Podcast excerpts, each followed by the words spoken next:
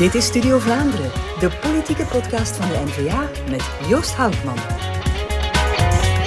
Welkom bij weer een nieuwe aflevering van Studio Vlaanderen. Te gast vandaag een Vlaams parlementslid, een geboren en getogen knokke-hijstenaar. Of dat juist is, daar komen we straks nog wel op terug. En een levende alliteratie. Onze gast vandaag is Cathy Koetiezer. Dag Cathy, welkom in onze, in onze studio. Ja, ik zeg Cathy Koetiezer omdat je het zo moet uitspreken, maar je schrijft eigenlijk koudijzer. Hè? Dat is ja, het goed, de West-Vlaamse West-Vlaamse roots kun je niet verloochenen. Inderdaad. Ehm, ik sprak ook over een alliteratie, Cathy Koetiezer, zoals in de beste der eh, Suske en Wiske eh, tradities. Eh, ja, over strips gesproken, in Knokkenhuis heb je ook het, het stripfestival. Ik ben nogal een, een stripliefhebber. Ben jij ook een, een stripfan of of meer een cultuurfan in het algemeen? Ik ben fan van alles wat met kunst en cultuur te maken heeft en mijn hart ligt echt ook wel bij het erfgoed. Ah ja, en dat, dat is ook iets waar je in het Vlaams parlement echt wel op, op, op toelicht, hè? Op, op- op, Absoluut, op, ja. erfgoed. En wat is dan het, hetgeen dat jou daar zo in fascineert? En wat is dan hetgeen waar je politiek op inzet, qua erfgoed? Qua erfgoed, eh, ja, het fascineert mij omdat het eigenlijk de getuigen zijn van ons rijk verleden in Ja. Vlaanderen, eh, die we moeten koesteren, we moeten onze geschiedenis begrijpen om Mhm. in het heden te leven, maar ook de toekomst voor te bereiden. En Vlaanderen heeft zo'n rijke geschiedenis op alle vlak, maar Vlaanderen vandaag is een innovatieve regio, een, eh, een regio met heel wat kennis, maar ook nog altijd heel wat hedendaagse kunstenaars en heel wat hedendaagse cultuur. En dat moeten we koesteren. Ja, en hoe, hoe kunnen, want ik kan wel zeggen, we moeten dat koesteren, maar hoe kan je dat in de praktijk eh, ondersteunen? Wat zijn goede maatregelen in, in, in die optiek? Wel, maatregelen is eh, in het eh, erfgoed om de nodige ondersteuning eh, te bieden, maar evengoed de cultuurondernemers eh, alle kansen te geven om als echte cultuurondernemers Ja. te kunnen werken, internationaal ook. Ah ja, en maar als we nu eventjes teruggaan naar, naar, naar Knokke ik sprak er juist over het eh, stripfestival. Ben je nu een, een Knokse, een Heistse of een- een Knokke Heistenaar? Of hoe moet ik dat om... Eh, Ik ben echt een knokkeheistenaar. Ik Ja. ben eh, geboren en getogen in de gemeente Knokkeheist. Ja. En weliswaar, deze gemeente is een fantastische gemeente, met Mhm. een fantastisch mooie natuur. Denk maar aan ons strand en de zee uiteraard, Ja. maar ook het Zwin en de achterliggende polders. Ja. Eh, maar wat Knokkeheist betreft, is eigenlijk een gemeente Hm. met, als ik het mag zo zeggen, zes buurten. Van Mhm. het Zoete over de dorpskern van Knokke Mhm. eh, naar Duinbergen en Heist. En laten we ook niet onze twee mooie polderparels, eh Westkapelle en Ramskapelle, vernoemen. Ja. En elk van die deelgemeenten hebben eigenlijk hun eigen identiteit, vormen Ja. een gemeenschap op zich. Maar natuurlijk, als Knokke Heist verbinden we die gemeenschappen Ja. met elkaar en bouwen we bruggen. eigenlijk, al die verschillende plekjes. Die, Heel erg interessant, met een mix aan eh, inwoners, zoals natuurlijk in elke Vlaamse gemeente. Maar voor Knokkeheist is dat wel heel specifiek. Ja, ehm, nu, als ik het nu onder één noemer knokken mag samenvatten, eh knokken als in het mondaine knokken, want zo, zo allee, verschijnt het vaak in, in, de pers. Ja, deze zomer was er weer het verhaal van de frigobox-toeristen, van de te korte shorts, van de blote basten. Ja, dat creëert een, een zekere perceptie. Stoort jou dat? Ja, dat zijn natuurlijk de clichés en Ja. de clichés worden uitvergroot en de Ja. media speelt daar ook graag op in. En Ja. zo zijn er wel eens boutades geweest over frigoboxen en dus nu deze zomer eh, de shorts. Eh, maar eh, als knokkeheistenaar weet je dat je een mix aan inwoners hebt ehm, met dus die verschillende deelgemeenten. En ja, daar moet je dan eens mee, mee lachen. Ja, want jij kent een ander soort knokkenhuis. Ik ken een knokkenheist waar iedereen eigenlijk samen woont eh, met elkaar en waar iedereen ook iedereen eh, respecteert, waar iedereen ook welkom is. Uh, Knokkenheist is een Vlaamse kustgemeente, dus de zee is van iedereen en Ja. iedereen is er welkom.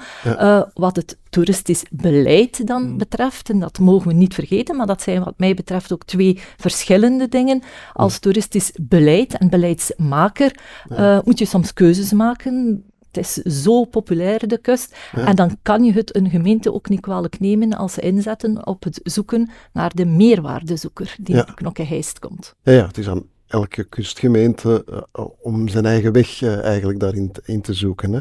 Maar er is een verschil tussen het beleid waar je ja. kiest om de meerwaardezoeker extra aan te trekken en aan te geven dat ja. de, de kust en, en zeker Knokke-Heist van hm. iedereen is. Ja, um, in ander item dat ook wel uh, het nieuws heeft gehaald is de audit uh, in Knokke. Ja, als we de pers mogen geloven, ja, het is niet een heel fraai verhaal, maar dat lijkt me dan echt wel vervelend om als je politiek actief bent in Knokke, om met zo'n verhaal geconfronteerd te worden waar je waarschijnlijk van zegt van ja, mannetjes. Ja, dat is een heel pijnlijk verhaal. Ik vind het vooral pijnlijk voor de inwoners van Knokke-Heist. Ja. Want uh, die verdienen een uh, gemeente die op een behoorlijke manier bestuurd wordt ja. en die het algemeen belang uh, dient. Um, het is ook pijnlijk voor de politici die wel op een integere manier aan politiek doen. Dus het is ja, pijnlijk voor alle partijen in Knokkeheist, voor de lokale politiek. En dan uiteraard ja. straalt dat af op de politiek in het algemeen. En. Um, wij hebben nogthans het engagement van vele burgers nodig die zich willen in de politiek gooien en die op een ja. integere manier, integere manier het aanpakken, natuurlijk, beleid willen voeren voor hun gemeente of voor Vlaanderen. Ja terug naar vrolijkere onderwerpen natuurlijk. Hè, want wie, wie knokken zegt, zegt kust. Hè. Wie kust zegt, zegt toerisme. Ja, dat is een van de onderwerpen waar jij ook hard op inzet. Het toerisme aan, aan de, de kust. Hoe, hoe kunnen we dat... Ja, waar, waarvan zeg je van... Wel, zo zetten we het in, zo willen we dat goed aanpakken. Wat zijn zo enkele punten waarvan je zegt van... Toerisme aan de kust, wel, daar zijn we nu goed mee bezig. Of daar kunnen we nog meer aan. Ik denk dat er zeker nog uh, stappen vooruit te zetten zijn voor het mm. toerisme aan de kust. De kust is uh, vooral gekend mm. als uh, zon, zee en strand, ja. dus als zomerbestemming. Mm. Maar de kust is veel meer dan dat. Het is eigenlijk een vier seizoensbestemming, ja. want het is heerlijk om in de winter uit te waaien aan de kust. Het is ook heerlijk om in de winter in -hmm. de duinen te wandelen. Um, dus natuur, maar ook cultuur heb je ook wel aan de kust. Mm -hmm. Ik mhm. denk dan aan het kunstenfestival Beaufort. Ah ja, mooi, um, ja. Dat uh, heel wat uh, bezoekers ook uh, ja. aantrekt. Ik denk ook aan museum in Oostende, een, een mooi museum dat ook tal van bezoekers trekt. in mijn eigen gemeente hebben we heel veel kunst in de openbare ruimte. Hebben we heel regelmatig top tentoonstellingen. dus ook daarmee kan de kust als all-weather bestemming voor de vier seizoenen nog meer uitgebouwd worden. En aan de andere kant moeten we denk ik ook kijken hoe we in de winter in de week aantrekkelijk kunnen zijn. Ja, ja, dan denk ik aan het congrestoerisme. Ah ja, congrestoerisme. Ja. Uh, niet de grote internationale congressen die zich meestal vestigen in de kunststeden of uh, in onze historische erfgoedsites, maar aan de kust uh, is er ruimte ja. om kleinere bedrijven, KMO's, te laten um, vergaderen, maar mm. tegelijkertijd ook te laten uh, genieten of aan teambuilding te doen ja, met een aantal sportfaciliteiten. Ja, ja. Um, je hebt dan toerisme aan, aan, de kust. Als we iets, net iets ruimer kijken, toerisme West-Vlaanderen, ik denk dan aan de ja, de, de oorlogsgraven, het, het, eh, rijke verleden, dat eigenlijk aan de Eerste Wereldoorlog uh, vasthangt. Ja, de UNESCO heeft de oorlogsgraven nu, nu uh, erkend als werelderfgoed. Ja, dat lijkt me toch iets dat je eigenlijk heel mooi nieuws vindt. Dat is fantastisch nieuws. Dat is ook het uh, werk al van lange adem.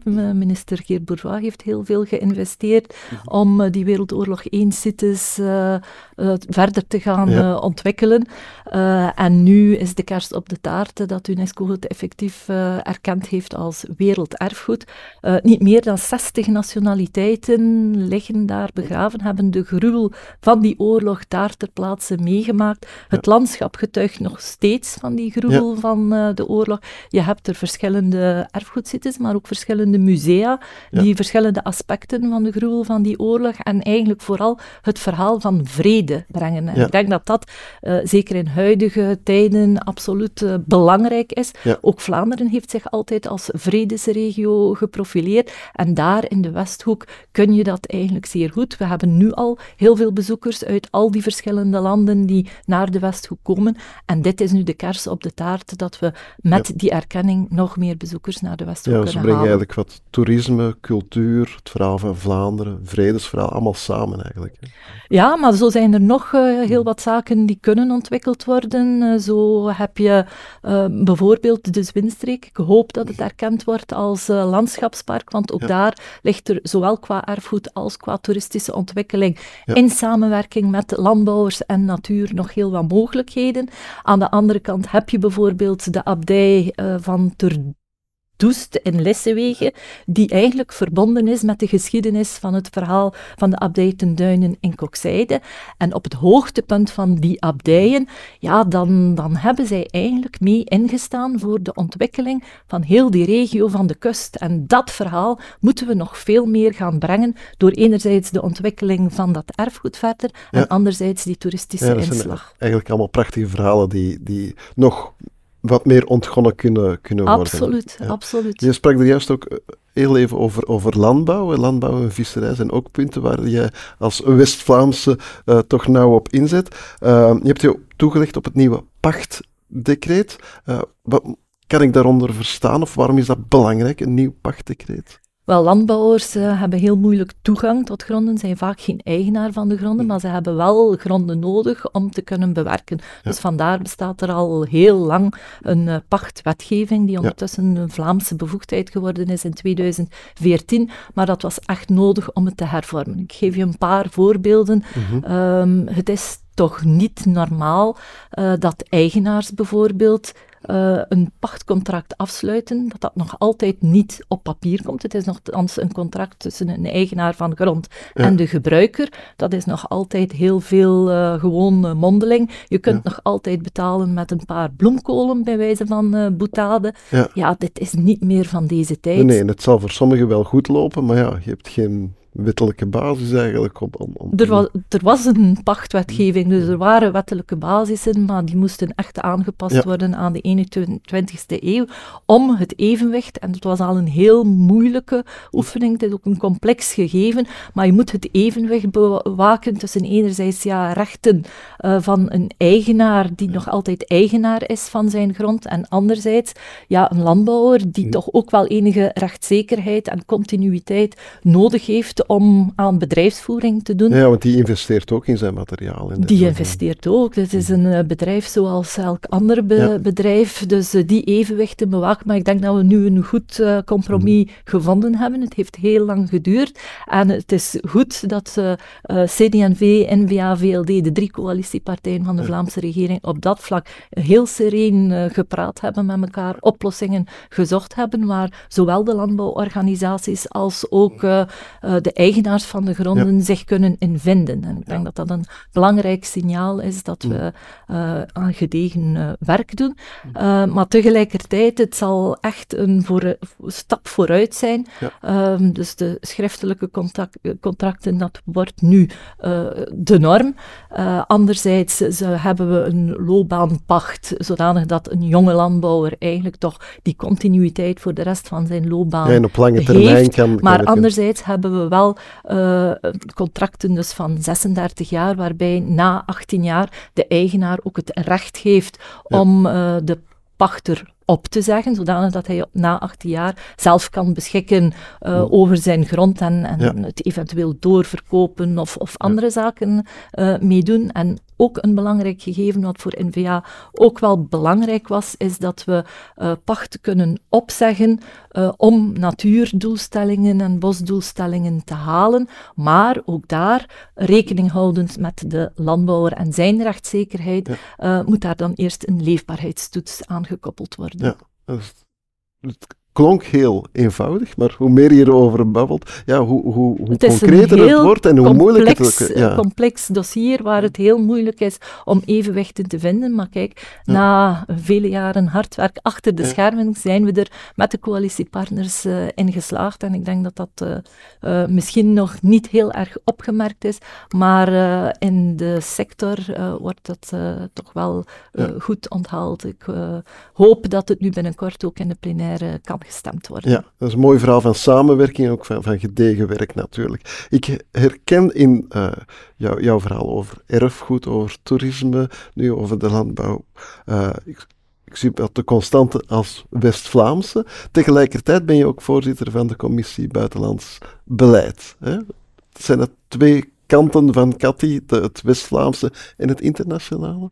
Ja, ik ben natuurlijk West-Vlaamse en uiteraard als politicus probeer je voor je e-, eigen regio, je eigen provincie zoveel mhm. mogelijk impact te hebben. Maar ik ben vooral een Vlaming en Vlaanderen is een open regio, mhm. is een regio die over de jaren heen altijd handel gedreven heeft. Denk aan mhm. de Hanzeverdragen. Maar ook vandaag eigenlijk is Vlaanderen internationaal of het is niet.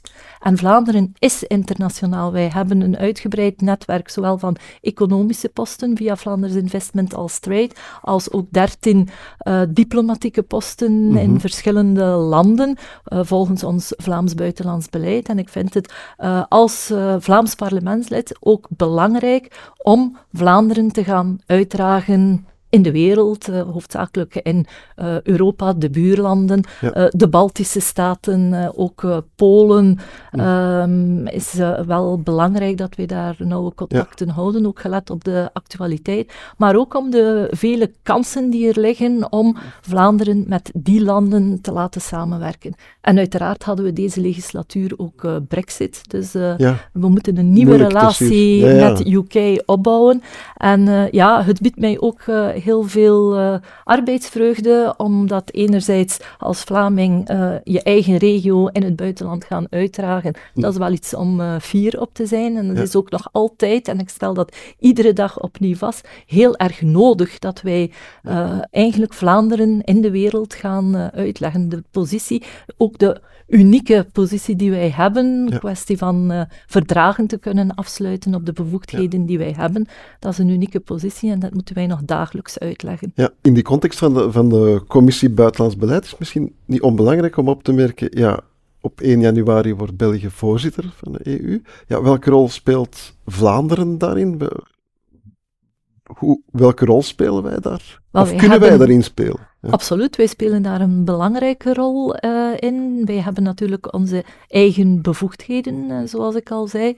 En uh, binnen dat Belgisch voorzitterschap zijn er afspraken gemaakt over um, voorzitterschappen van verschillende deelaspecten. Ja. Aangezien wij zelf bevoegd zijn uh, voor een aantal zaken, um, zullen wij het voorzitterschap opnemen uh, voor uh, visserij, mm -hmm. voor economie en ook voor cultuur, jeugd en media. Dat betekent dat wij zelf die dossiers die hangende zijn mm -hmm. binnen Europa daar gaan trekken. Mm. En anderzijds ze ook een aantal evenementen zullen organiseren uh, rond die thema's. Uh, maar dat betekent dat uh, Vlaanderen zich daar opnieuw op de kaart zet. een aantal buitenlandse regio's, sterke regio's, kan uitnodigen naar hier. En daar zal ook op ingezet worden. En wat we ook willen doen, is absoluut die innovatie en die kennisregio die Vlaanderen is, in de kijker zetten met bedrijfsbezoeken en met andere activiteiten. Ja, Vlaanderen echt groot op de kaart zetten. En daar is dat voorzitterschap eigenlijk wel een handige kapstok voor. Ja, het is een uh, absolute kans om effectief ook Vlaanderen uh, als innovatieve regio op de kaart te zetten. Ja, perfect. Nu, uh, in 2024 wachten lokale, maar ook de Vlaamse, federale, Europese verkiezingen. Ja, hoe groot is het campagnebeest in Katikoet is er? Het geeft mij een boost omdat het uh, voor de NVA heel belangrijke verkiezingen zijn. Mm uh, niet alleen uh, voor de NVA, maar eigenlijk voor elke Vlaming. wij moeten ons land in een nieuwe plooi leggen. En het zal enkel met de NVA zijn dat we dat kunnen. Dus als we daar ons steentje kunnen toe bijdragen, ja. dan gaan we daar met hart en ziel aan werken. Ja, wanneer ben je politiek geboren? Hoe is dat verhaal ontstaan? Wanneer ben je, heb je de, de, switch gemaakt van nu ga ik me echt politiek. Wat is een verschil tussen politiek geïnteresseerd zijn en, en je echt te engageren? Wanneer is dat? Ja, het echte politieke engagement, uh, dat was eigenlijk een kantelpunt bij de geboorte van de NVA. Mhm. Toen uh, Geert Bourgeois, ook als West-Vlaming, uh, uh, voorzitter werd van de nieuwe partij, ben ik dat beginnen volgen. Heb ik geluisterd naar de, de standpunten. En dat was voor de eerste keer dat ik dacht van, dit is een partij waar ik ook voor sta. Ik ben een gemeenschapspersoon, iemand mhm. die um, het belang van een gemeenschap wil dienen. Is dat nu in mijn buurt, in mijn straat, voor een jeugdbeweging of voor een oudervereniging. Uh, en anderzijds, ja, die, die economische accenten uh, en vooral ja, de identiteit. Vlaanderen heeft een identiteit, dat uh, besef je.